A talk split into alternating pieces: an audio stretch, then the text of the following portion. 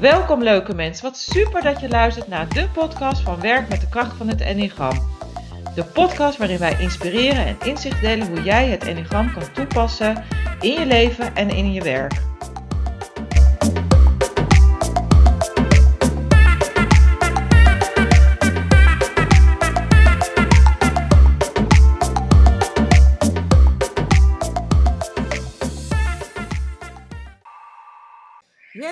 Welkom lieve luisteraars bij onze podcast met Charlotte van der Molen. en Ismeco. En in deze aflevering over durf jij komt een type 1 aan het woord over wat durf voor haar betekent in leiding nemen in je eigen werkleven.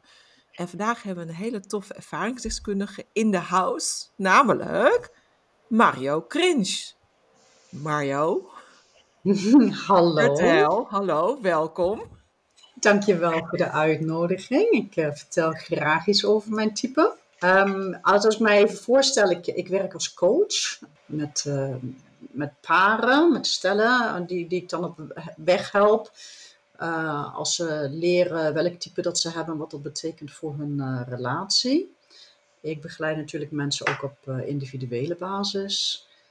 En ik begeleid eh, teams en bedrijven, of op dit moment vooral in, eh, in eh, artspraktijken, waar ze wel wat eh, teambuilding nodig hebben en dan vooral echt op eh, communicatiegebied. En dat is ook in lijn, denk ik, Mario, met de training eh, of de opleiding die je nu eh, volgt en bijna afrondt, hè? Communicatie, eh, psychologie. Ja, klopt. Dat, dat, dat enneagram en communicatiepsychologie komen daar ontzettend mooi samen. Want als ik natuurlijk met een team werk, dan herken ik een, een, een aantal types en ik zie op welk punt daar de communicatie wat veranderd, wat verbeterd zou kunnen worden, zodat gewoon het hele type beter werkt. En door die kennis over het enneagram krijg je er gewoon veel sneller inzicht in. En dan natuurlijk de kennis van eh, communicatie en hoe werkt die ja, dat grijpt gewoon heel mooi, eh, heel, heel mooi in elkaar.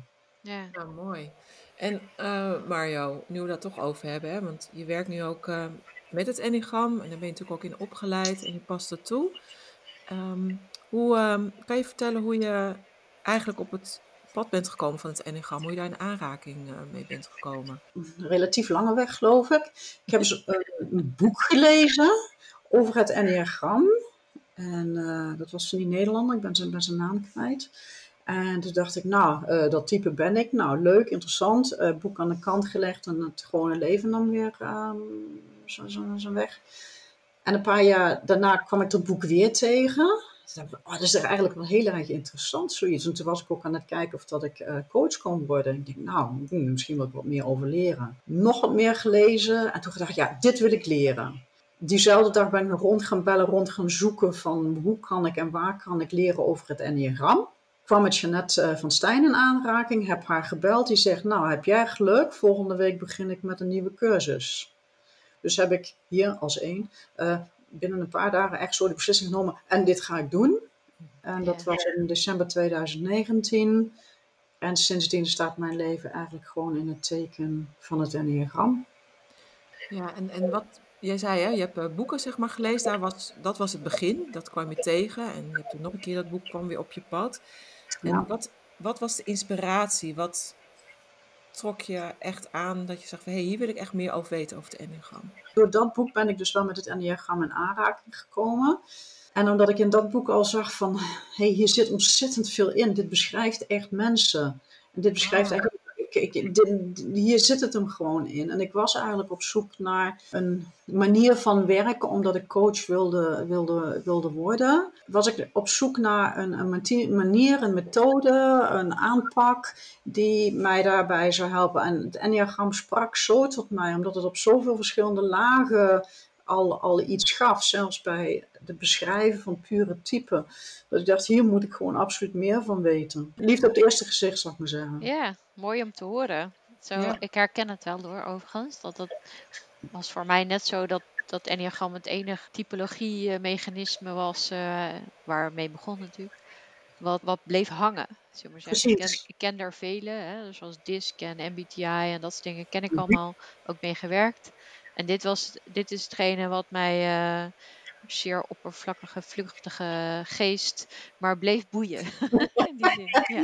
Ja, een teken, ja. Ja, als je kijkt naar eh, van toen je, toen je naar de opleiding ging, maar ook misschien toen je het boek al las. Wanneer was, was er de ontdekking van jouw type en hoe is dat gegaan? Kun je daar iets over vertellen? Wat je aha-momentje was of je oude moment mag ook. Hè? Dus maar net hoe het bij jou gegaan is. Eh, ehm, ja, allebei. Mhm. Ik had dus ehm, mezelf getypeerd als een 9, maar ik kwam niet vooruit. Eh, Ik, ik bleef zo daar, daarin hangen en mezelf in dingen herkennen en eh, het, het werkte allemaal niet. En toen kwam, eh, waren we bezig met, met subtypes. En toen kwam bij één subtype prediker, de, de, de seksuele 1, prediker.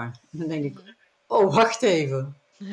Oh, eh, ehm, die past. Die past zo ontzettend goed. Ben ik dan geen 9? Nee, dan ben ik geen 9. Deze past gewoon te goed.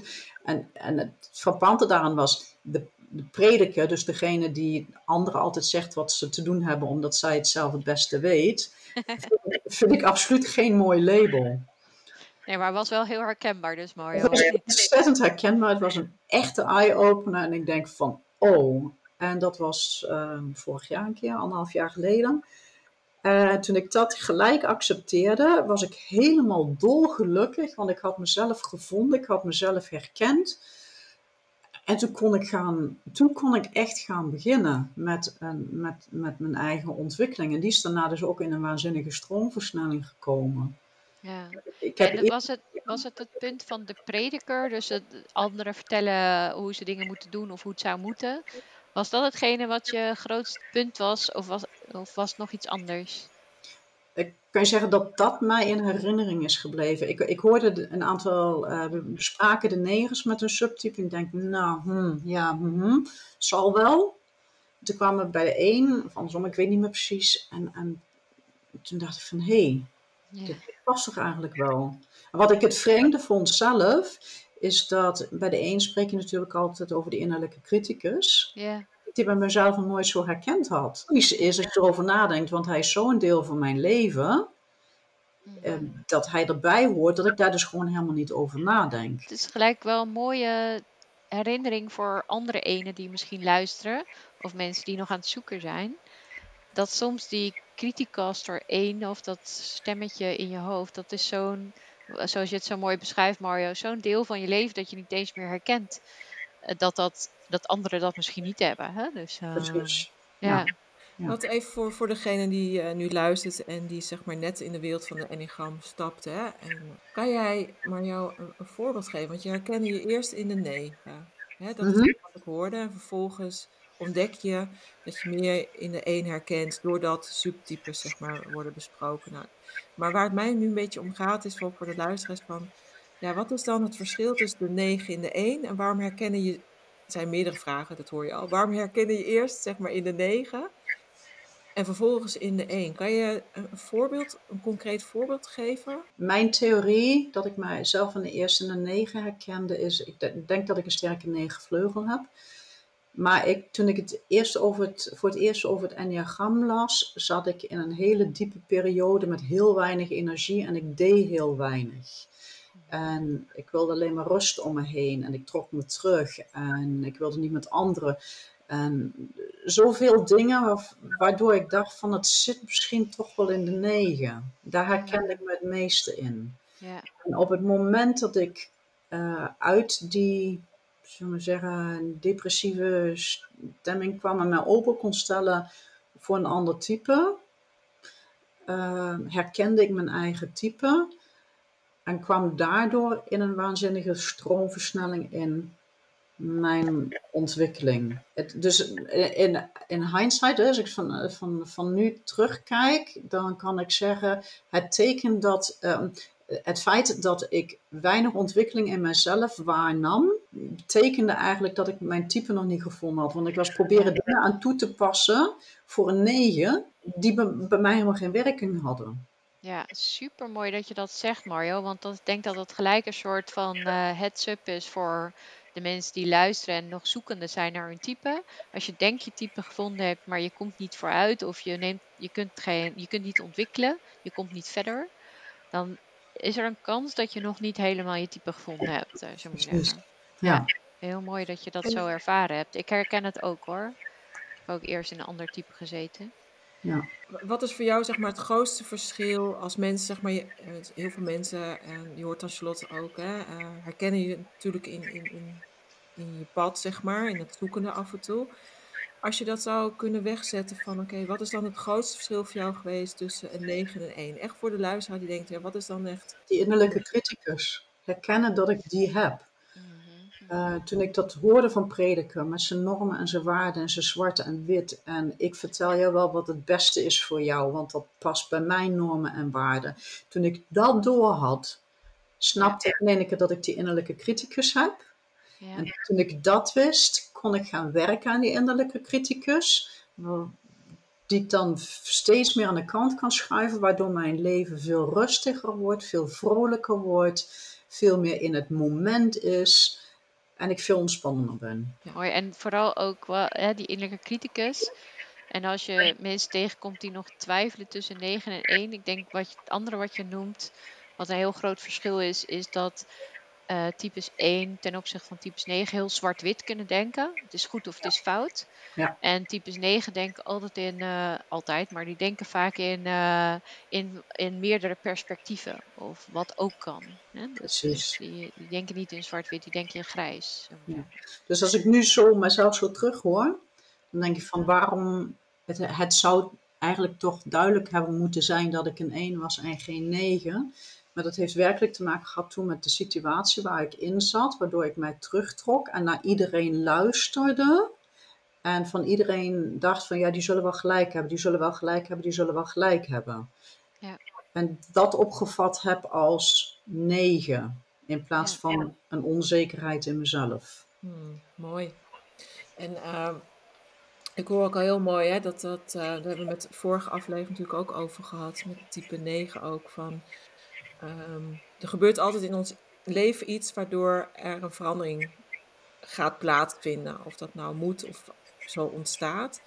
Voor jou was het aha-moment, uh, als ik jou zo ook hoor, hè, toen je hoorde van hé, hey, um, die innerlijke criticus, hè, die, die mhm. uitlegt hoe dat werkt. Dat je dacht van jeetje, maar dit is, dit is het. En daardoor, je zei ook in het begin, daardoor kon je ook weer ja, thuiskomen bij je type, of hoe je het ook wil noemen, hè, of bij jezelf. En we hebben het natuurlijk over durf. Want uh, we kennen allemaal zo'n situatie die misschien niet zo lekker gaat. Dat het anders moet. En jij hebt al een mooi pad gelopen. En wat, wat, hoe kan jij voor jezelf, dat, die durf zeg maar, wat betekent dat voor jou? Wat, wat, wat heeft jou echt ook die push gegeven om het ook ja, uit die, die shit of uit die donkere uh, momenten of dagen ook te kunnen komen? Wat was voor jou, hoe noem je dat, de kentering daarin? In principe dat aha-moment. Ik heb, ik heb ik heb wel veel nagedacht over dat woord durf. Mhm. Ik vind dat een heel, heel lastig woord. Want als één kijk ik natuurlijk om mij heen en kijk ik wat anderen doen en neem dat als zo van zo hoor je je te gedragen. Dus zo doe ik dat ook. Dus voor mij is durf al een klein beetje van uh, met deze persoon wil ik vandaag niet praten, dus ik zeg alleen maar hallo en goeiedag. In plaats van dat ik een heel gesprek met ze aanga, want dat hoort zo. Maar dat, is, is toch al, dat is toch een super voorbeeld van durf? Dat gaat ook over daadwerkelijk eerlijk worden met jezelf. Van wat, wat wil ik dan? Wat wil en, ik? Uh, dus in je impulsen reageren, denk ik. Uh, um, ja, maar daar, daar, staat een andere durf tegenover, mm -hmm. waardoor ik dit lastig woord vind. Ja? Ik heb mijn eigen normen en waarden. Ja. En als die compleet anders zijn dan wat er om mij heen gebeurt, heb ik daar geen problemen mee. Maar dan voel ik het ook niet meer als durven. Nee, nee. Ik heb bijvoorbeeld een heel groot, of vind ze in mijn leven een groot voorbeeld, is dan, ik heb een probleem met het schoolsysteem zoals het bestaat. Ja. Zo'n groot probleem dat ik gezegd heb, jullie kunnen me allemaal wat, maar ik ga mijn kinderen thuisonderwijs geven. Ja. Ja, wat ik daar ook aan problemen voor door gehad heb, ik heb gewoon gezegd, dat doe ik. En dat vind ik geen durf. Dat vind ik gewoon, dat is mijn eigen normen en waarden leven. Dus bij mij is het veel meer tegen de normen en waarden op kleine stapjes in, uh, daar tegenin gaan. Is voor mij heel moeilijk als deze grote dingen doen. Ja, dus, dus durf ga, dus dat is ook wel leuk dat je dat zegt, hè Mario. Dat durf is gewoon maar een woord wat voor iedereen anders uit te leggen is. Hè? Dus Uh, durf uh, voor een type 1 hoeft dus helemaal niet te zijn dat je ergens voor gaat staan of iets gaat doen. Want dat is misschien wel een natuur van de type 1. Ja. Maar misschien is dat durf misschien even toets hoor. Is misschien veel meer van ik ga niet doen wat hoort en zou moeten volgens mijn eigen normen en waarden. Maar ik ga eens even luisteren naar mijn eigen impuls. Wat ik misschien wel wil. En misschien wil ik wel gewoon even dansen of spelen. Terwijl ik eigenlijk nog een hele berg werk op me heb zitten wachten. Misschien is dat wel durf. Hè? Dus, uh... Dat uh, ja, ik, ik vind, ja, zoals gezegd, ik blijf, ik blijf hem lastig vinden. En als één ben ik nou dus heel erg op zoek naar precies de juiste definitie. Wat, wat zou een ander ja, woord zijn voor jou? Wat zou beter werken? Doen, mijn eigen ding doen, weet ik niet. Ik weet niet, ik heb zo woord durf zitten, zitten dingen. Zo. Ja. Maar het, het is dus zo'n groot verschil tussen van, eh, um, ik doe niet wat ik denk dat er eigenlijk van mij verlangd wordt op dit moment, maar mijn eigen ding. Ja. Dat is heel veel durven. Ja. Maar een heel groot ding zoals van thuisonderwijs geven en, en, en het hele systeem aan mijn laars lappen, daar denk ik niet twee keer over na, want dat hoort gewoon zo. Ja, de, en dan zit je in, dat hoort gewoon zo. Hè? Dat, dan ga je gewoon volgens je eigen soort wit eigenlijk normen en waarden werken. Dus dan heb je geen moeite is, mee doen. Durf is dus eigenlijk, het hoort gewoon zo. Ja, ja. Ja. En wat, nou, dan ga ik hem anders neerzetten, want dit is all about semantics, hè, zeg ik dan al. Dat is maar semantiek. Ja. Is, Nou ja, kijk, en dat is hem dus, jij zegt het is maar semantiek. Ja, dat is heel belangrijk, hè? Ja. ja, voor, voor ehm, sommige dingen zijn voor inderdaad bepaalde types veel makkelijker en voor de andere types eh, vergt het gewoon veel meer moed. En wat zou voor de een, zeg maar, eh, nodig, hè, dat er, nou, hoe moet ik dat zeggen?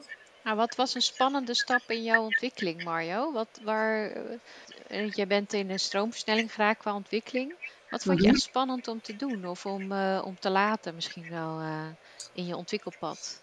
Ja, toen ik er dus achter kwam, ik ben een, ben een één. Um, toen kon ik in één keer mijn, mijn, mijn innerlijke criticus kon ik omarmen, zo vreemd als het klinkt. Ik kon accepteren dat hij er was. En hem toen bedanken en zeggen van ik heb je niet meer nodig. Het klinkt heel makkelijk, maar in dat proces daar zit ik nog in. En dat was voor mij zo'n waanzinnige opluchting dat ik kon herkennen wie ik was of wie, wie ik ben. Mhm. En vanuit die huidige situatie kon ik dan zien, ik kan ergens anders heen. En ik kan mij veranderen op het punt waar ik mij goed voel met mezelf. En die innerlijke criticus is niet makkelijk. En mijn leven is steeds beter aan het worden doordat ik hem steeds minder nodig heb. Of dat, dat, doordat hij zich steeds minder laat zien. Of doordat ik kan zeggen van ik heb je vandaag niet nodig, dankjewel. Hoe ziet dat eruit als je dat zegt? Hè? Want van ik, ik heb je niet meer nodig, dankjewel. Wat, wat, wat, wat doe je dan? Of, of wat laat je? Of... Um, nou, in het begin heb ik me dus die innerlijke criticus uh, voorgesteld. Ik had een plaatje van hem. En dan stuurde ik hem weg naar een kamertje en dan mocht hij dan gaan zitten. Ah, ja. Ja, die, kwam, die kwam er steeds vanzelf weer uit. Ik denk, nou ja, ik, ik me steeds terugsturen, maar dat hielp dus niet meer. Toen dacht ik, oh, verrek, die wil gezien worden. Ja, Dan wil erkend worden. Precies, die wil erkend worden. En eh, dus als hij nou eruit komt, dan luister ik. Dit is een heel actief proces. Dan, hij komt naar buiten, ik luister naar hem, ik zie wat hij wil zeggen. Ik zeg tegen hem bedankt dat je me opmerk, eh, opmerkzaam hebt gemaakt op deze situatie. Ik kan het van nu af alleen, je mag nou weer gaan. Ja. Wat voor mij heel veel rust en ontspanning biedt en hij gaat ook weer. Heb je een, Ja, mooi voorbeeld daarvan? Noem eens een voorbeeld ervan. Nou, gewoon een heel klein voorbeeld. Ik zit met medestudenten aan tafel en we zitten te lunchen. Mhm.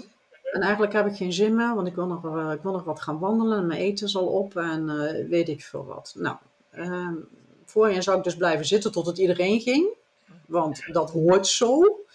En daar gezeten van innerlijke spanning opbouwen. En tegenwoordig kan ik zeggen van, zo, nou het was gezellig. Eh, Ik ga nog een stukje wandelen, tot straks.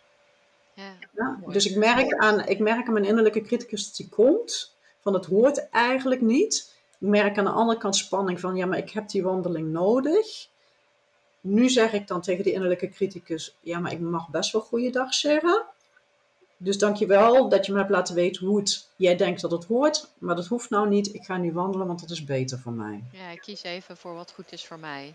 Precies. Ja, wat ik, wat ik misschien, Mario, ik en maar het is een heel klein voorbeeld van hoe dat ook hoe ik het heb zien werken eh, in onze opleiding. Is een Mhm. heel klein voorbeeld. eh, ik weet niet, ik, ik vertel het gewoon Mario, hè, dus eh, als, als het anders is, dan moet je het maar aanvullen. Mario en ik hadden tijdens de opleiding hadden we een, een oefening met z'n tweeën. En toen gingen we in een andere ruimte zitten. En er was, er was zo'n hoekbankje. En ik ging aan de ene kant zitten en, ik ging, en we gingen eigenlijk bij een beetje gelijk zitten. Maar op de een of andere manier zei ik, op een gegeven moment zei ik van, had je liever hier willen zitten? En toen zei Mario, ja shit, daar had ik eigenlijk wel liever, nou die zei niet shit hoor, maar, maar ja, ik had eigenlijk liever daar willen zitten. Ik weet niet waarom ik dat niet gewoon zeg.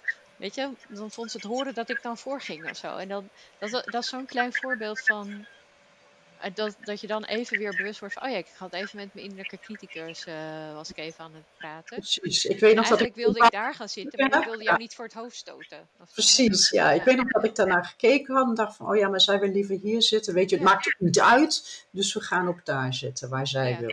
Ja, dat wordt zo. Ja. Ja, dus wat ik heel mooi hoor is dat eh, voor jou als een zijnde, hè, eh, als we het hebben even over die durf, dat het voor jou is die innerlijke criticus op een liefdevolle manier er te laten zijn, maar ook weer te parkeren als die gewoon niet dienend is, zeg maar.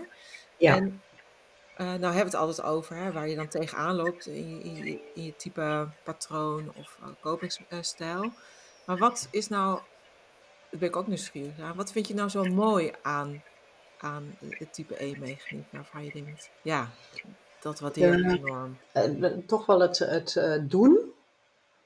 Gewoon de ener- energie hebben om gewoon dingen te doen. Bij mij, en bij die vraag komt eigenlijk eh, gelijk weer dat aha-moment van vorig jaar weer naar voren van... Hé, hey, ik ben een één. Nou ja. Ik vind prediker helemaal niet leuk, maar wauw, ik ben een prediker. Ehm, dus die, gewoon die herkenning van mijn type. En wat vind ik leuk aan mijn type? Ehm, ik, ik, doordat ik details zie, doordat ik kleine dingen zie, doordat ik op veel dingen kan letten, merk ik bijvoorbeeld dat ik mijn klanten eh, goed kan helpen. Doordat ik zie hoe ze zich bewegen. ehm, dat hun ogen in ene keer anders gaan staan. ehm, dat ze een bepaald woord vermijden of juist heel veel gebruiken. Waardoor ik ze er weer op kan wijzen van, hey, heb je dat überhaupt in de gaten? Maar ik weet niet of dat typisch een type 1 is.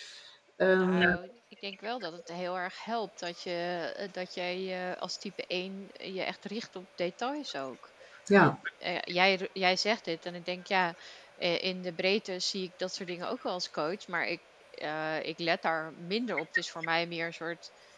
Het heeft ook iets met, denk ik, met eh, eh, instinct te maken. Hè? Daar komen we nog wel een andere keer op.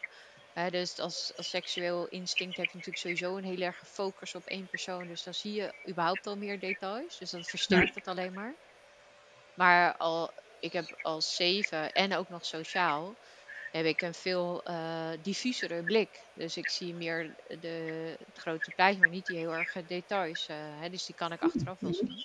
Oké, nou dat is weer heel mooi voor mij om dat te horen. Dat dat, dat daar inderdaad... een, Ja, eh, want ik herken natuurlijk, ik ben dus ook een, een, een seksueel instinct. Alleen dat is wel een verschil eh, met hoe jij het nu heel mooi hebt teruggegeven hoor, Mario. Van, eh, Hm. Daar zit toch wel echt een nuance in. Er zit wel een verschil in. Dus ja, ik vind het juist een heel mooi voorbeeld.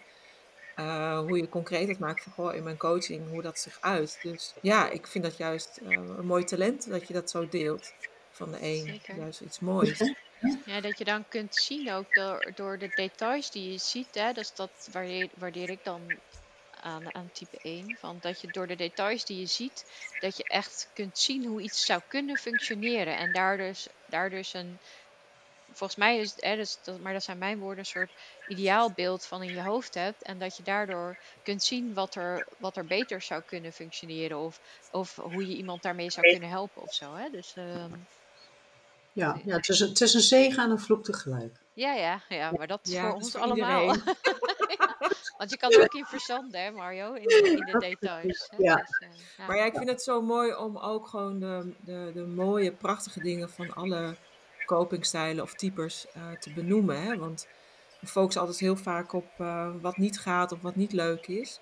Eh, maar aan de andere kant eh, brengt het ons zoveel en elkaar. Ja. En, ehm, eh, dus ik vind het juist eh, fijn om dit soort dingen eh, te horen, Mario. Wat, hoe het voor jou Ja, is. wat, wat, wat, als ik daar even een opmerking over mag maken. Wat mij vaak opvalt is als uh, ik met, met, mensen over het enneagram hebben, dat ze dat dan gelijk afketsen met van, ja, maar je zet ons in een, in een box en uh, ja, dat wil ik helemaal niet. Terwijl het eigenlijk andersom is. Hè? We hebben onszelf al in die box gezet. En doordat we aan de hand van het enneagram kunnen herkennen dat we ons in een box hebben gezet, kunnen we aan de hand van het enneagram ook zien welke weg naar buiten we daar hebben. En Zeker. dat vind ik zo mooi. Ja. We zijn heel hard aan het knikken nu, hè? dus voor de luisteraars. Dus, uh, zijn we helemaal eens met Mario. heel hard aan het knikken. Ja, wij, Mario, wij doen het ook altijd uh, je vastzetten in je type of je gaat ontschotten. Weet je wel? Van, uh, ja, ja. leuk. Ontschotten, ja. Ja, je komt ervan los. Je ja, komt en ervan los, ja. Wel mooi om te zien. Mario, mag, mag ik vragen, want jij hebt met, met groep ook gedeeld hoe dat fysiek voor jou heeft gewerkt, hè? Soms qua mm -hmm. uh, je spierspanning en dat soort dingen. Zou ja. je daar iets over willen zeggen? Want ik denk dat je daar andere types 1 ook heel erg mee de ogen kan openen, misschien wel. Ja, ik merk het in mezelf en in de types 1 die ik als klant heb, uh, dat er ontzettend veel spanning in het lichaam zit. En met alles wat we niet mogen, waarvan we denken dat we het niet mogen, slaan we wel op. Mm -hmm. Want het uiten uh, dat is natuurlijk helemaal fout. Hè? Je boos worden, dat, dat, dat, dat kan al helemaal niet. Je moet natuurlijk wel altijd heel vriendelijk zijn en uh, de ander heeft gelijk. En, uh, dus dat wordt allemaal lekker opgeslagen. Dus ik merk, ehm, ik heb klanten gehad die tot die zo ver zijn gegaan dat ze alleen nog op een vacuummat konden slapen, omdat ze zich dan konden ontspannen. Die botox-spuiten hebben gehad in hun gezicht, zodat ze de kaken konden ontspannen. Ik heb zelf kaakfysiotherapie uh, gehad. Die, die, die spanning in het lichaam is zo, zo, zo waanzinnig. Dat toen ik eenmaal merkte dat ik die één ben en dat daar heel veel van die spanning mee samenhangt, ben ik me nog veel, nog veel meer gaan richten op ontspanningsoefeningen en op werkelijk zeggen van, en nou mag je eens even helemaal niks doen. Dus niet alleen geestelijk ontspannen, maar daarbij ook nog lichamelijk ontspannen. Hmm. Lichamelijk ontspannen kan, betekent voor mij uh, fysieke oefeningen doen. Yeah. Zodat mijn, mijn spieren zich anders gaan, gaan, gaan richten. Um, en ik heb bij mezelf en bij mijn klanten dan gemerkt dat ze inderdaad, hè, die vacuummat was niet meer nodig, die botox-spuiten waren niet meer nodig, omdat ze zelf in de gaten kregen van, oh, hier zit spanning, daar kan ik nu zus en zus en zo doen om die spanning los te laten. Ja. En niet alleen in fysieke bewegingen, maar ook door het wegschuiven, aan de kant zetten van die innerlijke criticus, dat ze daardoor konden zeggen van, hé, hey, het is die innerlijke criticus tegenover wat ik wil, waardoor zo'n spanning gecreëerd wordt. Als ik dus die innerlijke criticus aan de kant kan schuiven en mij kan richten op wat ik nodig heb en op wat ik wil, heb ik niet meer zoveel spanning in mijn lichaam. Ja, mooi dat je dat zo zegt, want ik, ik vond dat echt een eye-opener als, als niet type 1 zijnde. En misschien ook goed voor de mensen die werken met een 1 of houden van een 1, zou maar zeggen. Om, uh, om daar uh, ook bewust van te zijn dat dat zo lichamelijk zich op kan stapelen. En dat je iemand ook kan helpen door uh, nou, überhaupt al te wijzen of met ze mee te doen in de vorm van ontspannende oefeningen of andere manieren van je spieren gebruiken. Of, Precies, ja. Ja. ja. Mooi. Mario? Ja. Ja. zeg het dus. nou, ik vind het eigenlijk uh, uh, heel mooi om te horen, um, eigenlijk al in jouw verhaal van uh, wat je als één kan herkennen al in je lichaam, hè, van waar de spanning is opgeslagen van alles wat je meemaakt. Of niet uit, kan ook. Mm -hmm. ja. je zegt je fysieke oefeningen dat je dat kan doen. Um, wat geef jij vaak als vaak deskundige als hè, in type 1 mee aan andere types? Wat zou je graag willen meegeven aan je fellow, hoe heet dat? Uh, andere. Type 1. Uh, sorry, Aan de andere type 1. Juist, aan de andere type 1. Wat zou jij mee willen geven als, als eerste iets heel kleins, hoeft gelijk niet iets groots zijn, maar gewoon waar ze, als iemand zich hierin herkent, van hé, hey, uh, in het, jouw verhaal, waar zou je type 1 dan heel, heel snel mee op weg kunnen helpen? Waar je zegt, hé, hey, dit, dit is zo belangrijk om daar in ieder geval mee te beginnen.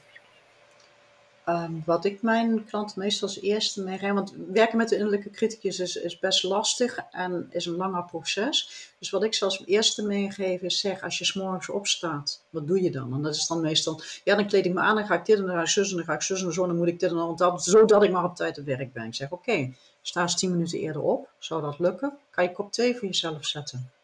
Ga je voor het raam gaan zitten met het kop thee? Met die kop thee, kan je dan gaan kijken en dan gewoon tegen jezelf zeggen: vandaag is een mooie dag.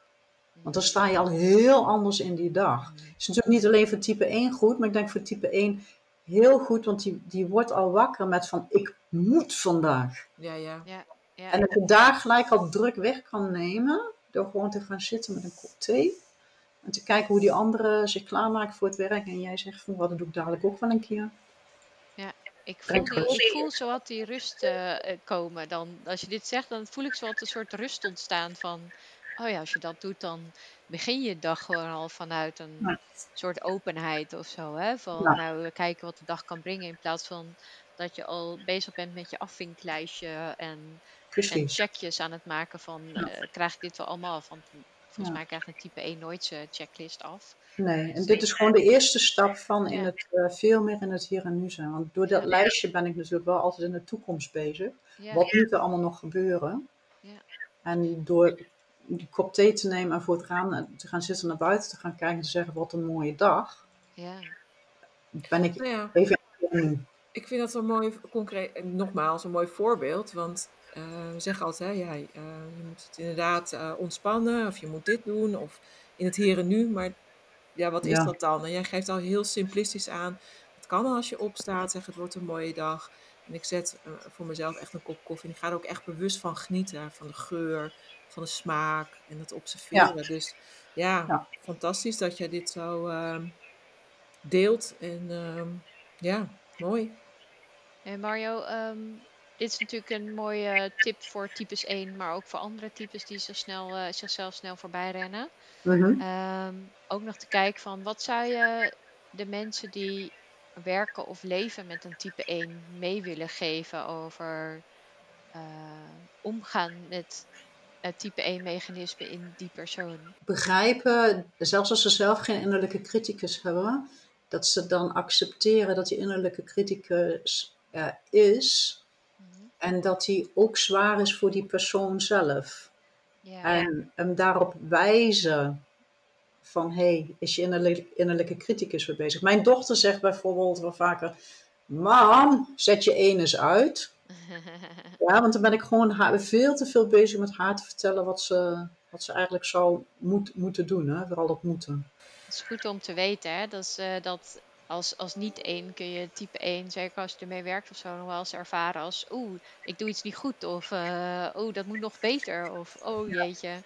Ja. En eh, terwijl het vaak voortkomt vanuit inderdaad, zoals je het mooi noemt, de innerlijke criticus bij de een zelf, die Mhm. wat best wel al een zware, eh, een zware last kan zijn om, om het überhaupt te dragen.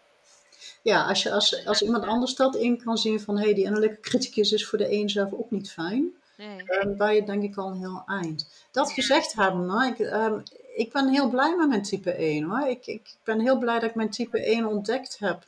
Mhm. En dat ik daarmee kan werken, want ik begrijp daardoor meer uit mijn verleden. Ik begrijp hoe ik daartoe gekomen ben, maar ik zie ook een weg van hoe ik het kan veranderen. En ik zeg maar het opzet veranderen en niet verbeteren. Ja. Maar ik kan het veranderen zodat het beter bij mij past en ik weer het gevoel heb, hé, hey, dit is de persoon die ik ben en dit is de persoon die ik wil zijn. Ja, je Ja, krijgt mooi. weer de, de juiste verbinding hè, met wie je eh, bent. Ja. Ja. Mooi, eh, Mario. Ja, weet, wat in me opkomt, hè, dan zeg ik het ook maar gewoon, is eh, je krijgt haast een stukje vrije wil terug over eh, wie je zelf bent en hoe je zelf, eh, met jezelf wil omgaan. Nou, niet haast, ik krijg het, ik vind het mooi gezegd. Ik krijg een stukje, ja, ja. ja Ja, ik kan die- mijn eigen leven afleiden. Nou ja, dat is die verbinding. En die is er altijd al. Alleen ja, daar hebben we voor ons afgesneden. Hè? Dus eh, het is mooi dat dat weer eh, op deze manier herstelt. En, eh, en ook weer voelt. Ja, gaaf. Ja, dank, eh, dank je wel Mario. Ik vond het heel mooi om, eh, om jouw eh, proces zo te horen en hoe jij eh, met je innerlijke criticus ook omgegaan bent. En hopelijk ook een inspiratie voor de andere mensen die een innerlijke criticus in zichzelf herkennen. Ik kan me nog herinneren dat je echt hebt gezegd van nou, ik, eh, ik zie hem zo en zo voor me. En dan zet ik hem even op zijn stoeltje in een huisje. En dan, eh, Ja. ik doe nu zo achter mijn hoofd zo van Ja. ergens in mijn achterhoofd. En dan, eh, en dan kan hij er weer uitkomen als het nodig is. Ehm, even als, misschien als laatste afsluitende vraag aan jou Mario. Mhm. Is er iets nog niet gezegd wat je wel had willen zeggen? Je denkt, dat moeten mensen echt nog weten van het type 1 of van mijn proces. Wees niet te hard tegen type 1, die zijn al zo hard tegen zichzelf. Wees compassievol. Ja. Nee, precies. Ook tegenover jezelf natuurlijk, maar ook tegenover type 1 als we het over hebben. Zeker, ja. Mooi. Ja, het is mooi. Het is wel echt een bevrijdend woord. eh. Dank. Ja, mag ik jullie ook bedanken voor deze mogelijkheid wat meer over het type te vertellen? Ja, Ja, tuurlijk. graag gedaan. Heel fijn. En hopelijk eh, helpen we daar onze medetypes 1 of mensen die ervan houden ook weer mee. eh Hoop ik ook. maken de wereld weer een beetje mooier. Precies. heel mooi. Dankjewel Mario. Dank je. Super.